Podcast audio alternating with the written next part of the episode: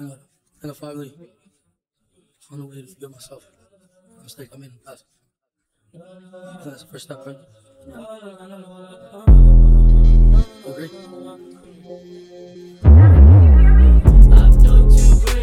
My day. Kept in fear.